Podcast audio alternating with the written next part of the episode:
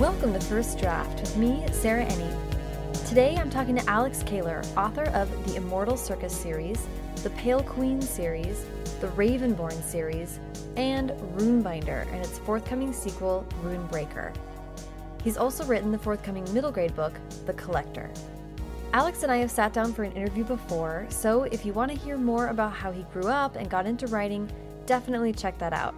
He has a lot of great stories about going to a boarding school and joining the circus. Since we last spoke, a lot has changed in Alex's life. He traveled Europe, moved to Los Angeles, and wrote several new books. I was so excited about what Alex had to say about choosing to bring more queer stories into the world, reimagining his previous works, and the challenges of the freelance lifestyle. So sit back, relax, and enjoy the conversation. Thanks for coming over. Mhm. You brought donuts. I did bring donuts. You're such a good guest. I try, I try. so, Alex Kahler, Yep. we have talked before, Mhm. so I would encourage listeners to go back and listen to your first episode in which we learn about your time at the circus and Mm-hmm. at boarding school and a lot of other really exciting stories. But I would love to hear for the 2.0 episode. I think when I last left you, you were Shades of Darkness was Mm-hmm. coming out and you were in Seattle, and a lot has changed. Oh, yes. So, if you can kind of give a little bit of a broad catch up for the listener about what you've been up to since then. Yeah, after we talked, I think I was in Seattle for five or six more months, and then I ended up packing my bags in September and traveled around Europe for about three or four months and kind of bounced back between there and the States, and then ended up moving here to LA in April. And so, yeah, I've been here ever since. That is nuts. It hasn't even been a year. Yeah. I know, right? And it, It it, felt like the longest year uh, and was the so- shortest year. yeah, you were in Europe for a lot of Mhm. like election time, a lot of Mhm.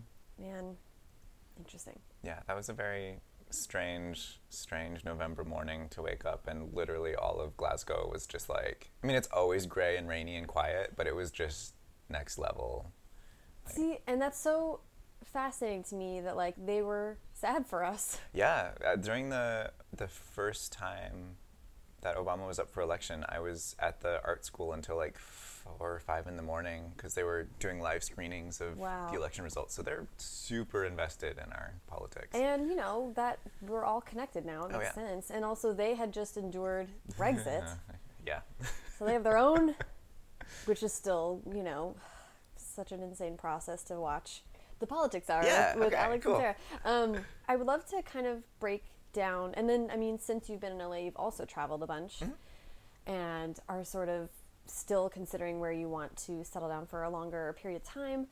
But I would love to kind of ask about those more recent travels and how, I mean, how do you think that you are growing as a person with Mm. all of this? Like, what is the traveling that you've been doing most recently given you perspective on, like as a person and also as a as a writer? You know. Yeah, that's a, a very good question and one that I've been thinking of quite a bit. I believe when I was younger, which is a very strange sentence to say when you're 31, but when I was younger, I was traveling more for adventure and new experiences. And I think now I'm traveling more to reconnect with things that I know are important to me. So, mm-hmm. Different forms of community or art, different types of landscapes, really. After living in Seattle for so long and kind of having a fairly monotonous climate. I mean, we mm-hmm. have beautiful summers up there and it's stunning, but nine months out of the year it's gray. And, yeah. yeah. And now being in LA where it's literally sunny every day except for like the two days yesterday when it rained, mm-hmm. I've been finding that I am really attracted to different extremes of climate and like wanting to be places that are super cold and filled with fucking snow in the winter and then 100 degrees in the summer and so like trying to figure out how I can travel with the seasons and but without like living in the Midwest again where they actually have all four of them. Right. So, yeah, um Or and New York. Ooh, I can't afford New York. Yeah. Maybe like super super upstate in a rickety cabin, which would not be bad. That would not be bad. We have some art retreats. So yeah, I think this next or the last couple rounds, and as I continue on, is more about not necessarily finding new things, but just finding things that worked, but in new places. Mm-hmm. And especially in terms of writing, it's easy when you're on the road, as you know, not to focus on work. And I think I've been trying to make a special focus on finding spaces where I can actually set aside five or six hours to do the work that I need to do and mm-hmm. not just party all the time. so, work life balance. So, so sort of like a more focused travel. Yeah, definitely. And and seeing as writing is all I do for work, which is a really amazing experience. There's always that like you you'll hear people say, "Well, you can do your job anywhere." That's really freeing, and it is, but it's also terrifying because that means like literally you could go anywhere. Yeah.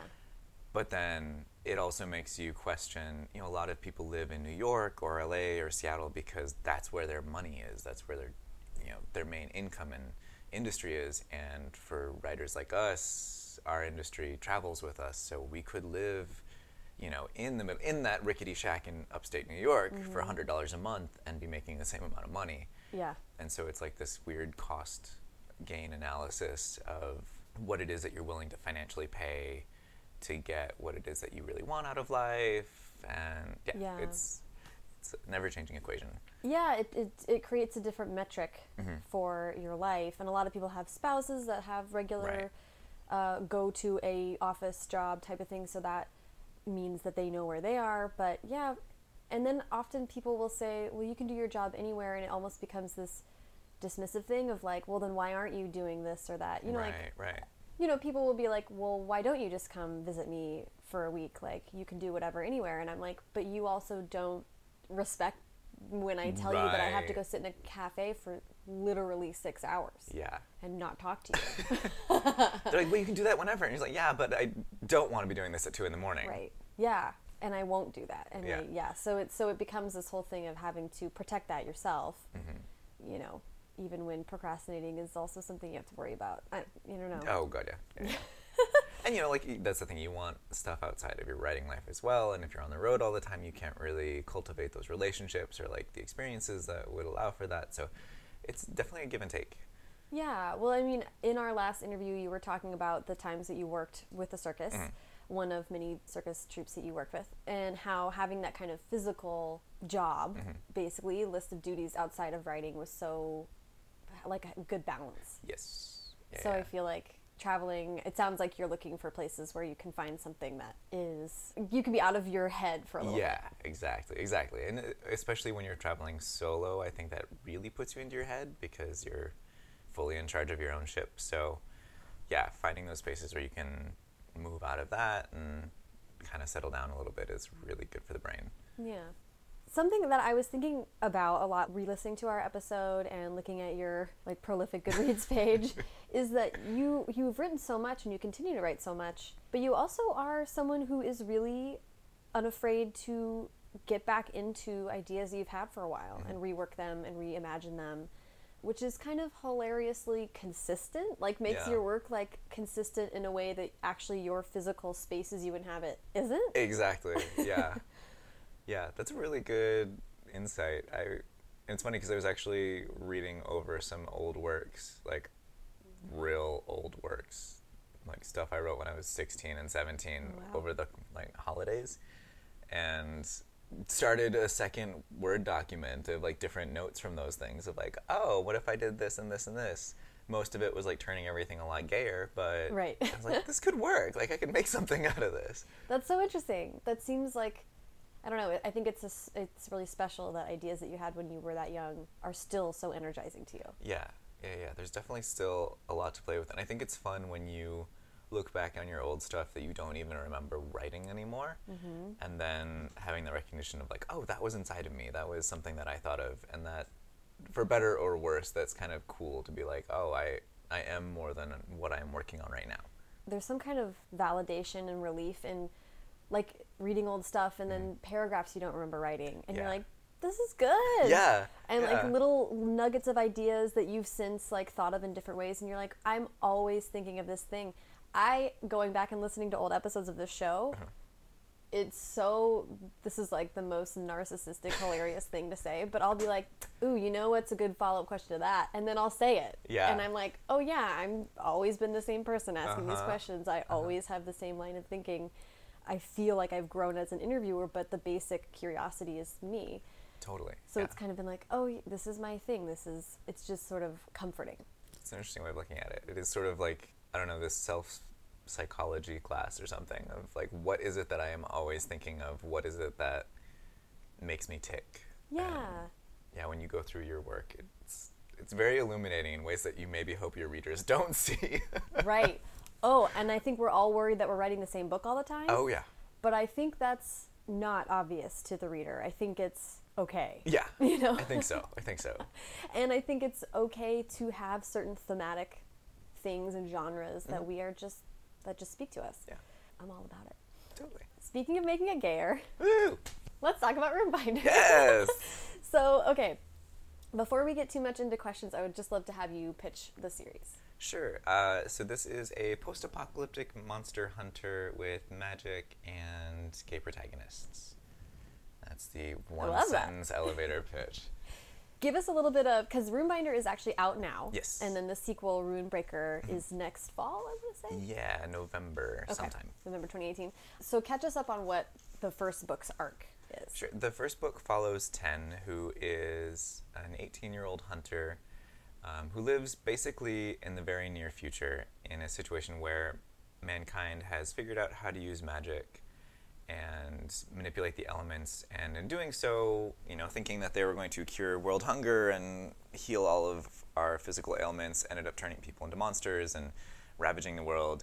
And so society is in not even in disrepair. Like society doesn't exist. So there's only a handful of people left, and there are a couple guilds, you know, societies, civilizations where hunters, who are these people who can use magic, are kind of protecting the innocent. And Ten is starting to get singled out by both the enemy and the allies.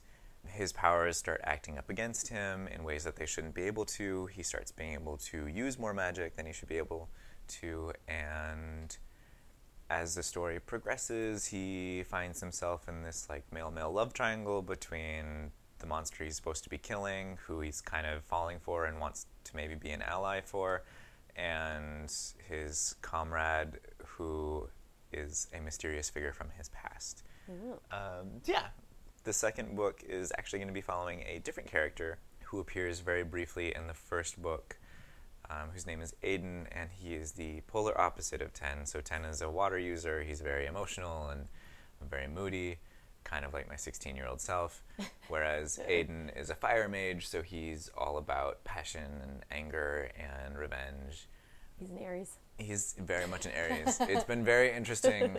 Like with this book, I've wanted to kind of go into what makes a monster and what makes someone evil because you know often we're doing things for what we think are altruistic purposes, but then turn out that they're highly destructive. Mm-hmm.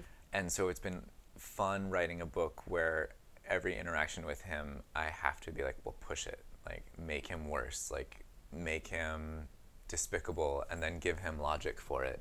That is super exciting. I'll be curious to see what the response is. I don't know too many series that start the second book with a second character. Well, didn't you do that in?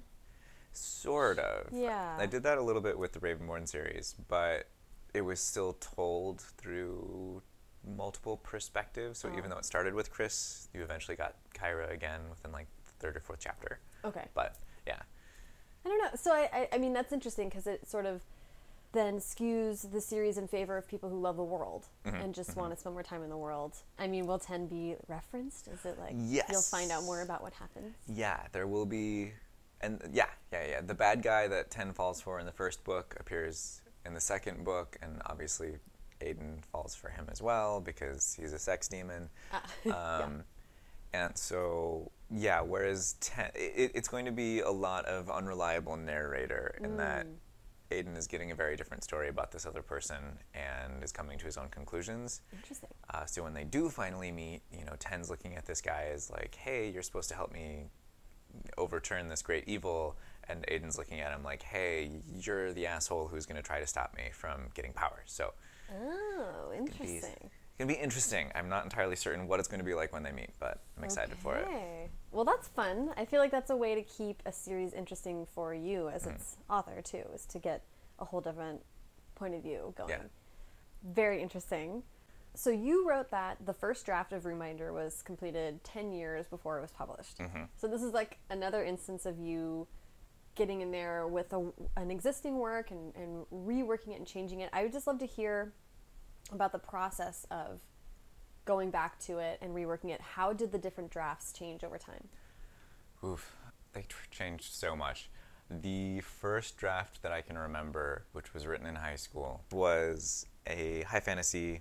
It focused on a female protagonist, and yeah, it was very reminiscent of what I had been reading at the time, which is Wheel of Time and a bunch of other like epics in that vein.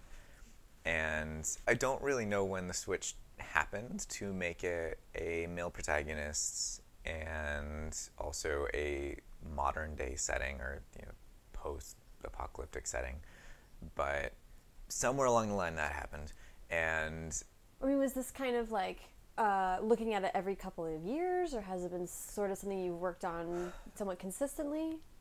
The story and the world has always kind of bubbled in the back of my head. I haven't necessarily worked on the book entirely. I was working on a different novel in high school, which is the one that I'm looking at going, maybe I could do something with this. Uh-huh. it's super cliche and tropey, but there's a chance.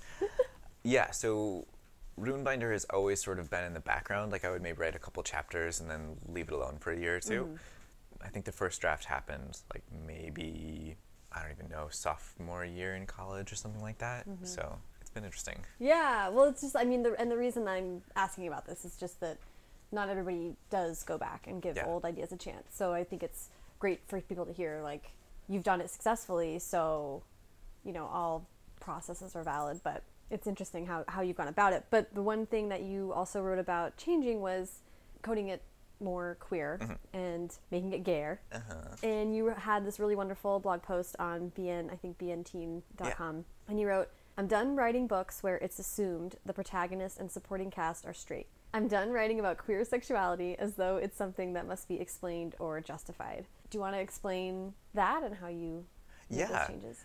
It I'm like, wow, that sounds very confrontational. but I think it was on my little soapbox at the time. And within more of the context of the book of the post, Yeah, it was yeah. it's not like that.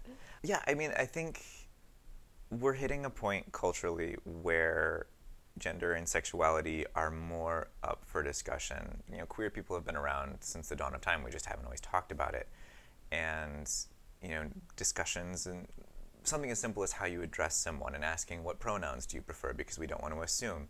Like, it's finally slowly seeping into mainstream culture. And with that, I think we need to start looking at the characters that we're reading and writing and saying, are we reading and writing this character because that's what we're used to or because that's what we actually want to be talking about or the story we want to be telling? And so for that one, you know, I have written books where the protagonist is a straight, often female character.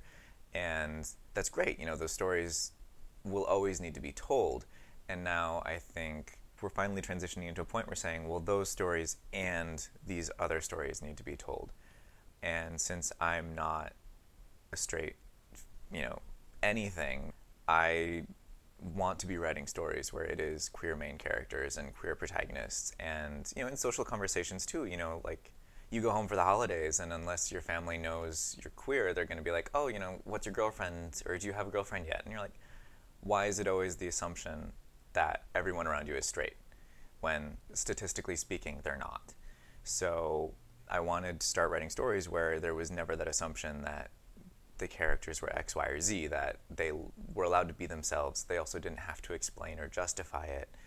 Yeah, I've I read somewhere uh, about the idea that you know there's always that one gay supporting character, and why is that the case? And someone had responded on this Tumblr thread of like, well, there's only one gay character in that straight group because the gays are all hanging out with each other. And I was like, this is kind of true. You know, like there's often a grouping, like people form the communities that they feel safe in. And so, what happens when you start focusing on those communities where literally every single person that you interact with is queer? And it's really exciting because you know it allows the characters to breathe in a much deeper way. And think- establishing that as the baseline. yeah, yeah, yeah. Yeah. I mean, I love that because you because it is addressing, you know, it was important to have stories where it is said this person is gay and here's a look into his or her experience. Totally, totally. And it's also important to have stories like you're saying about where it isn't about identifying and it just is a fact of life that this character is this person and then let's move on with the yeah, plot. Yeah, yeah. And, uh, and that's the thing is like all of those stories are important, and I think we've been telling certain ones because those were what quote unquote society was ready for, and we just have to remember that those stories and the people telling them are evolving. You know, like people don't necessarily have to be in the closet anymore to keep their jobs or to feel safe, mm-hmm. and so we're allowed now to tell those stories and let them grow as characters. Yeah. Yeah, which is really great. I love that post, and that's why I wanted to ask you about revising the series and finding a comfort with the final product mm-hmm. being super gay. yeah, it's and uh, you know it was uh, it felt like a risk. There aren't that many genre fiction fantasy, especially where the protagonists are queer in any sort, and there was always that fear that you know you're going to alienate certain readers or whatever, and honestly, like that fear started subsiding for me when we were at YALLFest and my my publicist or my like the marketing director was pitching the book to people who were coming up to the booth and I was listening in and watching the teens expressions while she was pitching it to them. And their eyes were always sort of glazed over like nine times out of ten when she'd be like oh you know it's a post-apocalyptic fantasy and there's monsters and there's magic.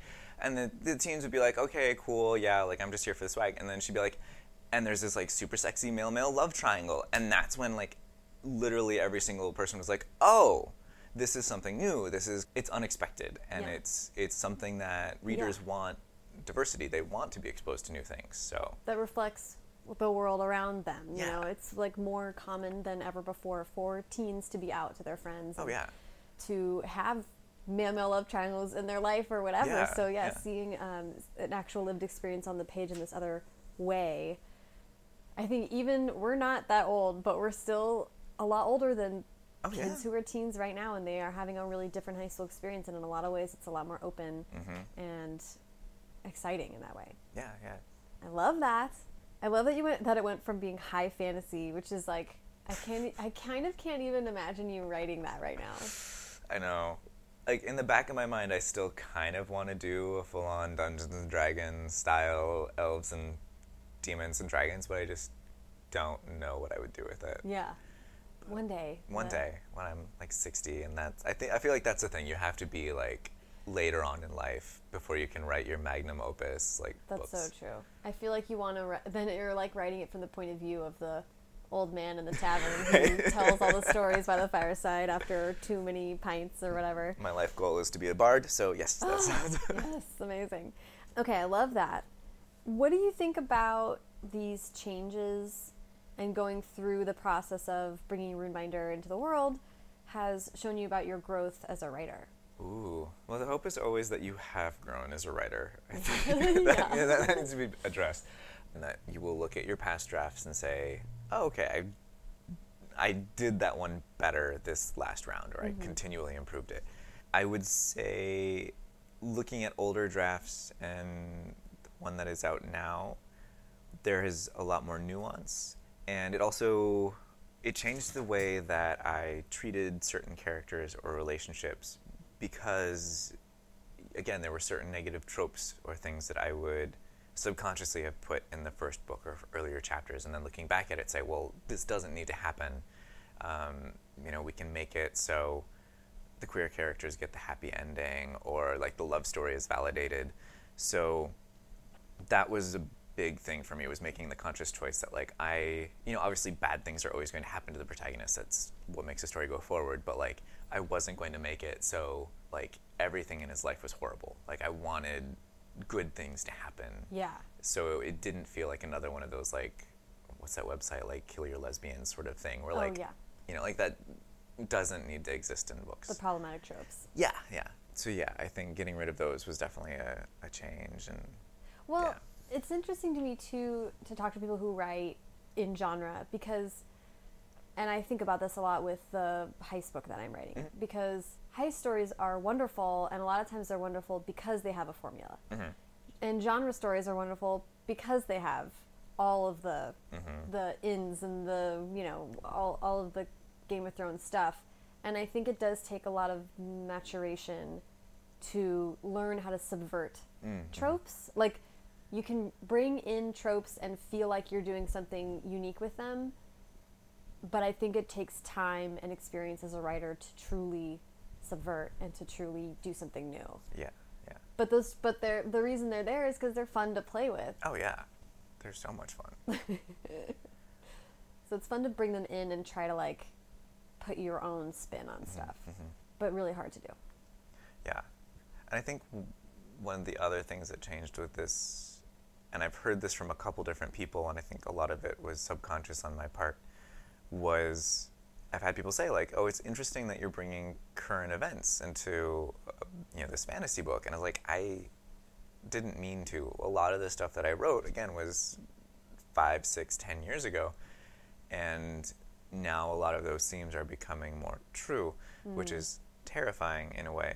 But you know, I think that's kind of the other thing is like we're in this situation where fiction mirroring reality is really easy to do, um, especially when it comes to creating dystopian or post-apocalyptic societies. Like, there's a lot of trends that you can pick up in the news right now and be like, "This would be really great for that trigger in the book that I'm looking for." So. I know it's great for fiction fodder, but not so great to yeah. as a human living in this world. It's a very thin silver lining, but we work with what we got. Yeah, that's so funny, and I think that's what's hilarious about that is people sit, telling you that and you being like, "This book has been around for ten years," and uh, what was that? Somebody on Twitter was like, "You know, we haven't even read the books written post-Trump yet, Oh, yeah. because as we know, it takes time. So everything you're reading right now that feels like it's a reaction, it's not, and there's a wave coming of Mm-hmm. people writing." anti or whatever like resistance type of fiction which i'm excited for Mm-hmm. Yeah. it's gonna be Um, intense. yes, so intense. So, talk. I know that you are writing a middle grade series. Mm-hmm. Introduce us to this series. Tell me about more about what you're writing for it. Sure. So it's actually not like a continual series. It's Okay. just a couple different books that I'm doing for Scholastic.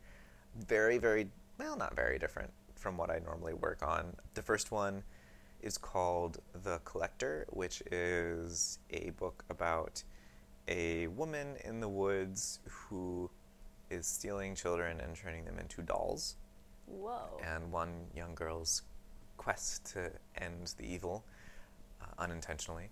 And then the other one. Well, hang on. Is Yes. that one? I have a couple questions. okay, okay. Is it set up like almost like a fairy tale type of style, or is it like horror? It's it's like a it's middle you know it's middle grade so it's goosebumps style Yes. horror, Got it. um, but it is con- it is contemporary. You know, That's the- cool. Yeah, it was so much fun to write and also so weird to like go from a book where you know, it's bloody and Mm-hmm. there's swearing to writing for young readers where it's like you know you can maybe say heck once and you're like even that is pushing the envelope a bit Yeah. Oh my god, that's so funny and kind of fun Mm-hmm. to find creepy like you not having the crutch sort of of swear Yeah. words can Yeah. sometimes be like ooh i have to describe it in this other way that ends up being almost spookier yeah and also like when you know that you can't really write anything bad or traumatic like you know you can't if you're writing for super young readers like even in goosebumps like no one dies you know Right. bad things happen but then like they come back at the end or whatever and so i think that makes you have to be more creative because you can't just be like ooh there's a murderer like 13 people just died that's what makes it scary you have to be like okay well what would add to the tension? What are these creepy elements that I can put in that, you know, a, a grandmother would feel okay reading to her child, but is still going to make both of them intrigued by it? Yeah. And so it was definitely a lot of fun and had its own difficulties. yeah yeah and then what, what's the other one The other one is a. It, it's set in a theme park that goes haywire. So the way it was pitched was sort of like Westworld for young readers, written by someone who hasn't watched Westworld, which is me because I, I have like watched five minutes of the first episode and was like, eh, maybe some other time, and you know I've heard a lot about it. So yeah, teens get invited to this super exclusive, amazing theme park where you can literally do anything that you can dream of. What could go wrong? Well, it turns out everything. So That's amazing. yeah. I like. Were they very specific about like we want someone who hasn't watched Westworld because they don't want to rip it off, or I, I, it was in the description. I don't know if that was intentional or if it was just like it'd be like asking someone to write a Game of Thrones inspired movie, but they'd only seen five minutes of Game of Thrones and like had heard about it.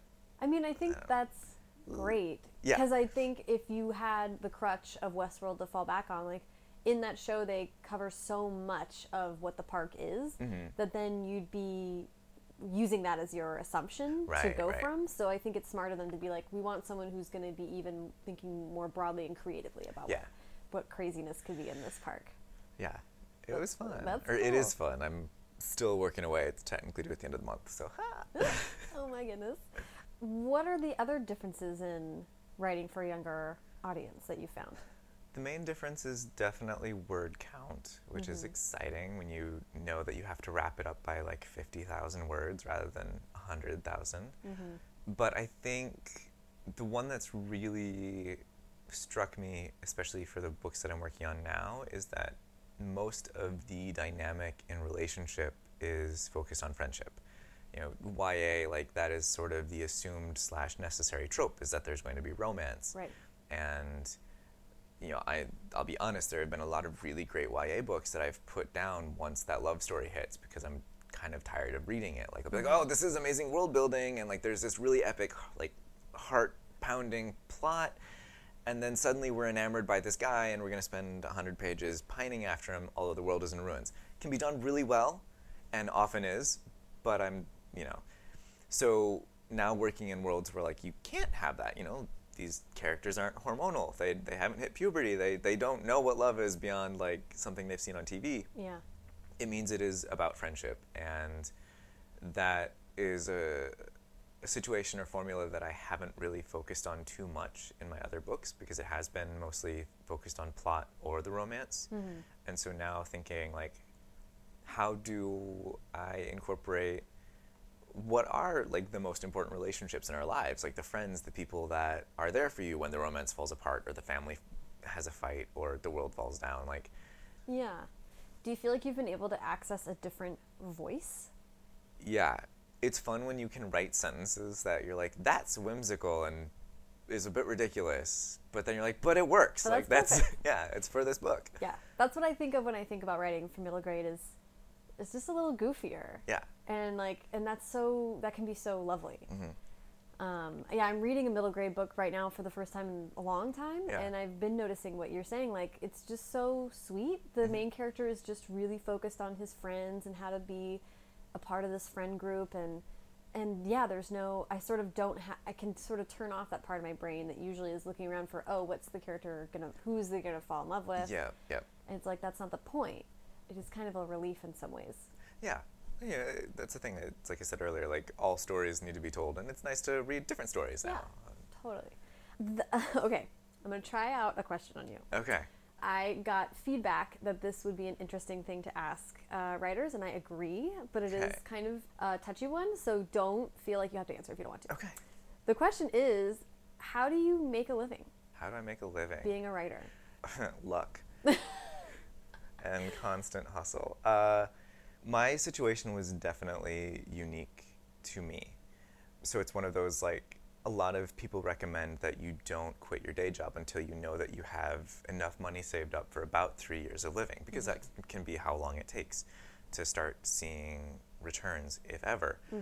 For me, I got my agent right before I went to grad school for a year. So while she pitched my first work, which was the first version of Runebinder, I was, you know, in a situation where I could spend a year comfortably working on my 2nd mm-hmm. So that's what I did. I, I wrote Immortal Circus as my thesis for my year in grad school in Scotland. And when I got back to the States, within like two or three weeks, she sold Immortal Circus and Runebinder, which at the time was called Martyr. So it had taken like a full year for her to sell the first manuscript, and that was Mm. hell. So during that time, you know, I had scholarships to live on. I was working part time, and then when I got back to America, because I had that advance money, I was able to move to Seattle.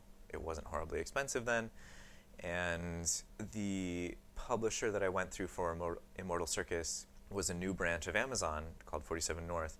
They were focused on getting books out there very quickly. So within I think two or three months of signing my contract, the book was published. And because it was part of their initial program, there was a lot more marketing and a lot of new opportunities because they were trying a bunch of stuff out. So that one book slash series helped me stay afloat. Know, I was still working odd jobs, and uh, I worked with an entertainment company there, and like did a few gigs. But for the most part, once I got back from Scotland, I've been able to survive entirely off of writing, which is amazing and stressful because you never really know where the money's going to come from next. Thankfully, I have been able to do some IP projects, like the, the Scholastic books and other things that help out with that. But yeah, honestly, mostly it's just realizing that you gotta hustle all the time and it doesn't matter if you're working on two or three books now like you still have a part of your brain that's focusing on what do i create next Yeah. because you know this advance money is going to run out or maybe i didn't get an advance or you know whatever like nothing is certain except what you can put out there Yeah. so yeah, like there's this aspect of like you just kind of have to keep it all on your shoulders. Like if you expect publishing to give you something, you're probably going to be in for disappointment. Yeah. But if you say, but I can produce three books a year, and if I make X per book, I know that I can afford this, and you know, like it, it's it's this constant math. Yeah, which is uh, I thank you for for like because this is uh, something I think that we all need to talk to each other about a lot more openly as much as we can. The freelance lifestyle, which is kind of really what that is, when you talk about being a professional writer, that's really what it is, is not for everyone. It is Yeah. quite stressful Yeah. and does not have a lot of consistency or constancy. It takes a lot of thinking about money in a really different way. Yeah. And also, like you're saying, thinking about your career in a different way. Like you have to be the person that's at the 30,000 foot and down in the weeds. Mm-hmm, mm-hmm. That's a lot to ask of anyone. Yeah. And, you know, for me, I wouldn't have been able to do it if the cards had played out differently. If I was in a situation where I had, uh, you know, like a full time job just to pay the bills, I wouldn't have had time to write as much as I had to. So, you know, like I said, it was very specific to me. I don't know if my career would have hit the same way or would have been possible if I hadn't gone to grad school or, you know, things hadn't panned out as they did. Well, I like that. This is reminding me, though, of there's like two elements I want to bring to this question. Yes. When we talked the first time, you said, I need to have a bunch of stuff going on in order to focus. If I have free time, I kind of drift. I mm. have to have about five projects and then I can buckle down. Yes. And you also talked a lot about how you went to Interlochen, a boarding school, an arts uh, centered boarding school, and that so from an incredibly early age, you were surrounded by people who were devoting their life to their work 24 7. To me, those two things seem totally related. Oh yeah. I don't know if I m- mentioned in the first interview, like I kept live journals and real journals, and I will at times go through, and in those notes I would track what I was working on at the time, and it would be like I have three short stories and 50 pages to read and a 10 page essay and five poems, all due like on the same day in three days, and that was pretty normal. Wow. Um, and so it, yeah, it's. I'm not necessarily saying it's healthy. I often joke that the only thing I'm addicted to is work, and that is like my drug of choice because it usually makes me feel better. Um, yes. So. But wait, this is something I want to pause on really quick Okay. because I wonder if you feel. I, I mean, obviously, we've talked about this Yeah. before, we're friends, but there are many times, that I just had this moment again last night, where something happens and it makes me feel bad about myself, Yeah. or like I'm not where I want to be. Yeah. And I recognize that feeling and the instantaneous reaction in my in my problem solving brain, which kicks in all the mm-hmm. time for everything, is the only answer is the work Yep. is that you have to turn around and immediately dive back into the work because that's the only th- thing that makes you feel better and makes you feel like you're moving towards something. Yeah. And like you're saying, that is not always a good thing, but it's also part of myself that I'm really like proud of. Yeah, same. And I don't remember who it was who said it, but you know, in light of everything that happened politically, there was a lot of you know, obviously like a lot of people were depressed and feeling like they were helpless. And someone said that you know if you are feeling that way, you know, do the one thing that is within your control, which is to create something. It doesn't matter what it is. It could be baking something. It could be whatever, but it gives you this sense of control over your life, of over your fate, which, you know, we won't get into that philosophical argument now, but like that's a totally legit coping mechanism and it's also a constructive one. You know, you're not you're not drinking, you're not you're not venting on Twitter, you're you're creating something, you're trying to put something better in the world. And so yeah, I, I think there are a few types of people, specifically artists, who get into that mode of shit feels like it's falling apart, or as you said, like I, I mean, I, I get that all the time. Like I'm not where I want to be in my Yeah. career or in life, or you know, it's it's so easy to compare yourself, especially now with the internet and Instagram, to be like, oh, but I'm not currently sunbathing in Italy with all of these beautiful people. You know, like mm-hmm. I'm in my mm-hmm. pajamas and I haven't left the house in two days mm-hmm. uh, so I'm just going to work more so maybe I can achieve that. Yeah, I, I definitely think that's all related. Like that hustle, that, that need to produce so you can continue hitting the next level for whatever reason is definitely a very strong fire for a lot of us. Yeah. And thank you for reminding me of the other question that I wanted to ask you, which is you uh, you're not on Twitter anymore. No, And is it true that you are not also on Facebook anymore? correct. Alex, teach us how do we I've been talking one of the most prevalent things that I've been hearing about writers most especially for the last 6 months hmm. because I think post election a lot of us turn to Twitter for news, Sure. coping, mm-hmm. companionship, mm-hmm. but it is not always the healthiest place and it is a huge distraction. So in the last 6 months I've heard from so many people basically their advice at the end of our episodes is get off social mm-hmm. media. You have done that. I would love to hear you just talk a little bit about why you did it and what what that has been like. There were a lot of reasons. I have considered getting off Facebook for years. I always told myself that I didn't need to because I didn't really use it. Right. And then I was honest with myself and was like, okay, well, you're not posting anything, but you're still legit like scrolling through it for an hour or so every day. Wow. What else could you be doing with your life? And I you know, was like, well, I'm using it for Messenger so I can stay in touch with people I know all over the world. And then thought, but that's what email's for. That's what word of mouth is for. Like, if you need to get in touch with someone, you can. You don't need this. So I disabled it. I haven't fully deleted it yet because, you know, can't go cold turkey, but it's been five or six months now and it's been fantastic. Twitter, I deleted a couple months before I deleted Facebook. And that was because I was starting to realize that, sort of like Goodreads, Twitter isn't necessarily a place for all authors. I think there are certain, you know, authorial voices on there that are very powerful and are very necessary and are very strong. And I realized that that was not me. So I wasn't really saying anything that I thought was necessary to be said. And, you know, honestly, I just stopped.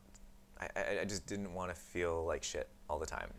You know, Yeah. it's like you could, there are some really fantastic things on Twitter and some, fan, again, fantastic voices all around that need to be heard. And it's such a powerful tool to get those voices out there.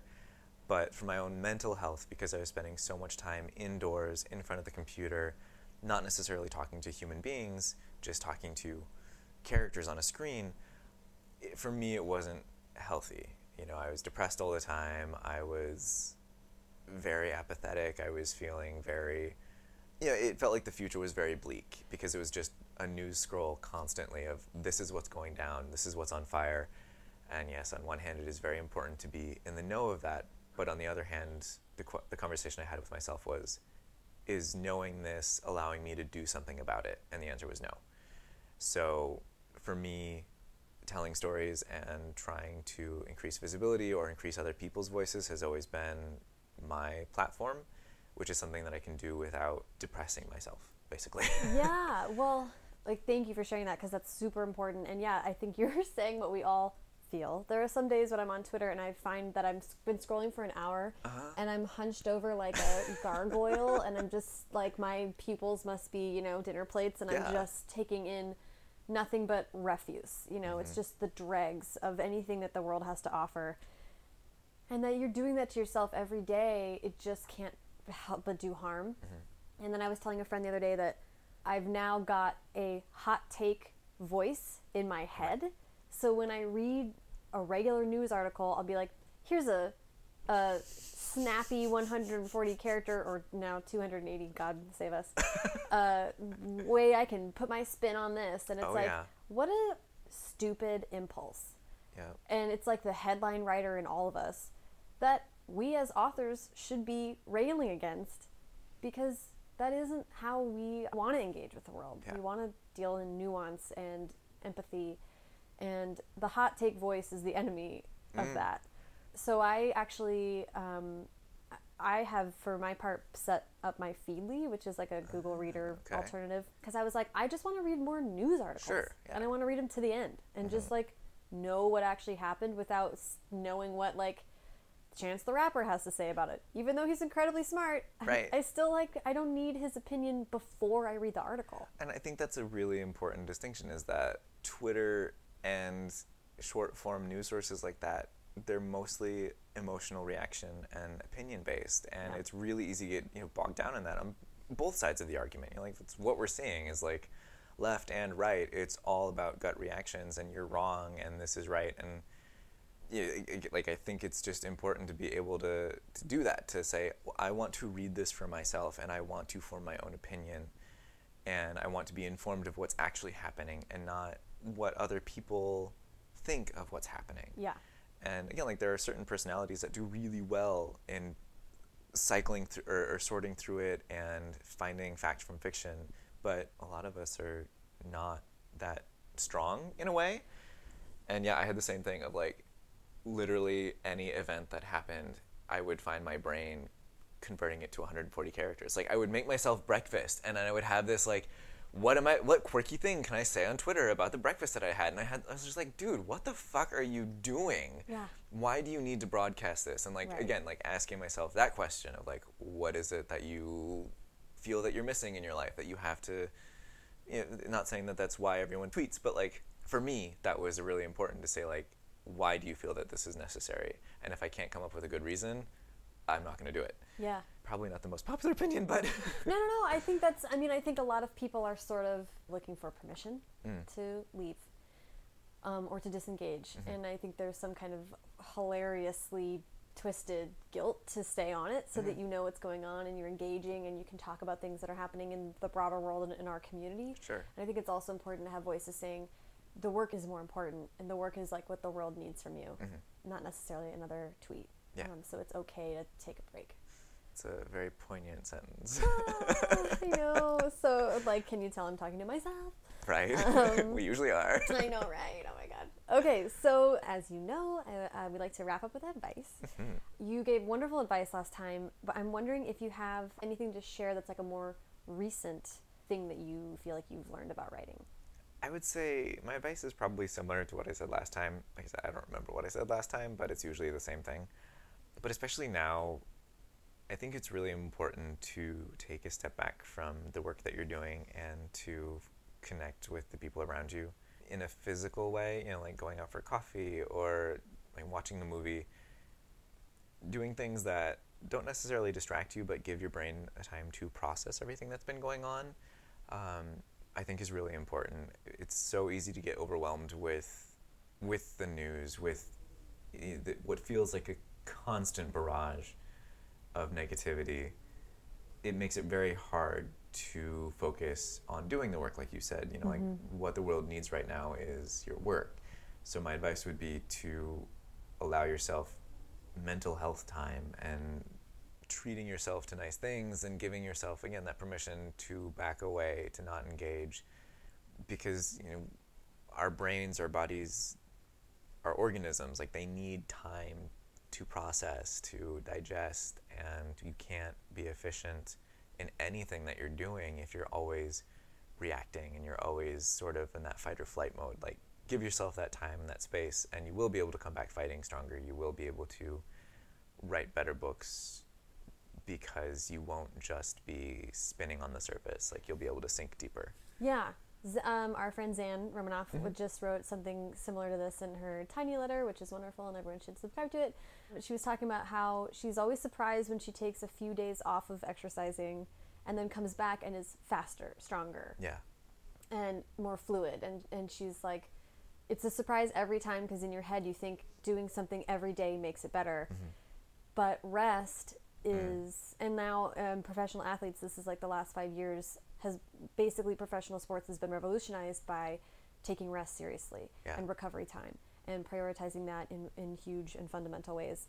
So we need to think similarly about our brains and bodies and respect the mind as much as as professional athletes do the Yeah, bodies because that's yeah. our tool. hmm hmm Uh, Alex, this was so fun. Yes, thank you. Thank you it. so much for coming over and bringing donuts Anytime. and dealing with my legitimately insane cat who was so excited to see you. is currently napping on my foot. So oh, so happy he wore himself out. Ah, okay, you are the best. thank you so much. Thank you so much to Alex. Find him at arkahler.com and find me on Twitter and Instagram at Sarah Enni and the show at First Draft Pod. You can find the show on Facebook and Tumblr too, but for links to everything Alex and I talked about, as well as links to subscribe to my newsletter, to a searchable Google Doc of previous episodes, and transcripts, be sure to check out firstdraftpod.com. It is spring and there are so many cool things going down. First of all, on April 17th, I will be in New York City at Books of Wonder to help Kirsten Hubbard and Michelle Schusterman launch the first book in their new middle grade series, Secrets of Topsea, a friendly town that's almost always by the ocean. It is a mix of Wayside School and Welcome to Night Vale, and it is incredibly delightful. Please join us April 17th, Books of Wonder, New York City, Kirsten Hubbard, Michelle Schusterman, Your Name in Lights, everything amazing. Please join us. Get really weird. It's gonna be great. Spring is also book event season, and I will be running around all over the place. Please catch me at the Los Angeles Times Festival of Books in April, YALLWEST in May, and BookCon in June. Check out the events page at firstdraftpod.com to find out more details. If you like what you heard today, please subscribe to the show on Apple Podcast and leave a rating or review on iTunes. Every five star review makes me feel like I'm writing a book besides a Scottish loch. Haley Hirschman produced this episode.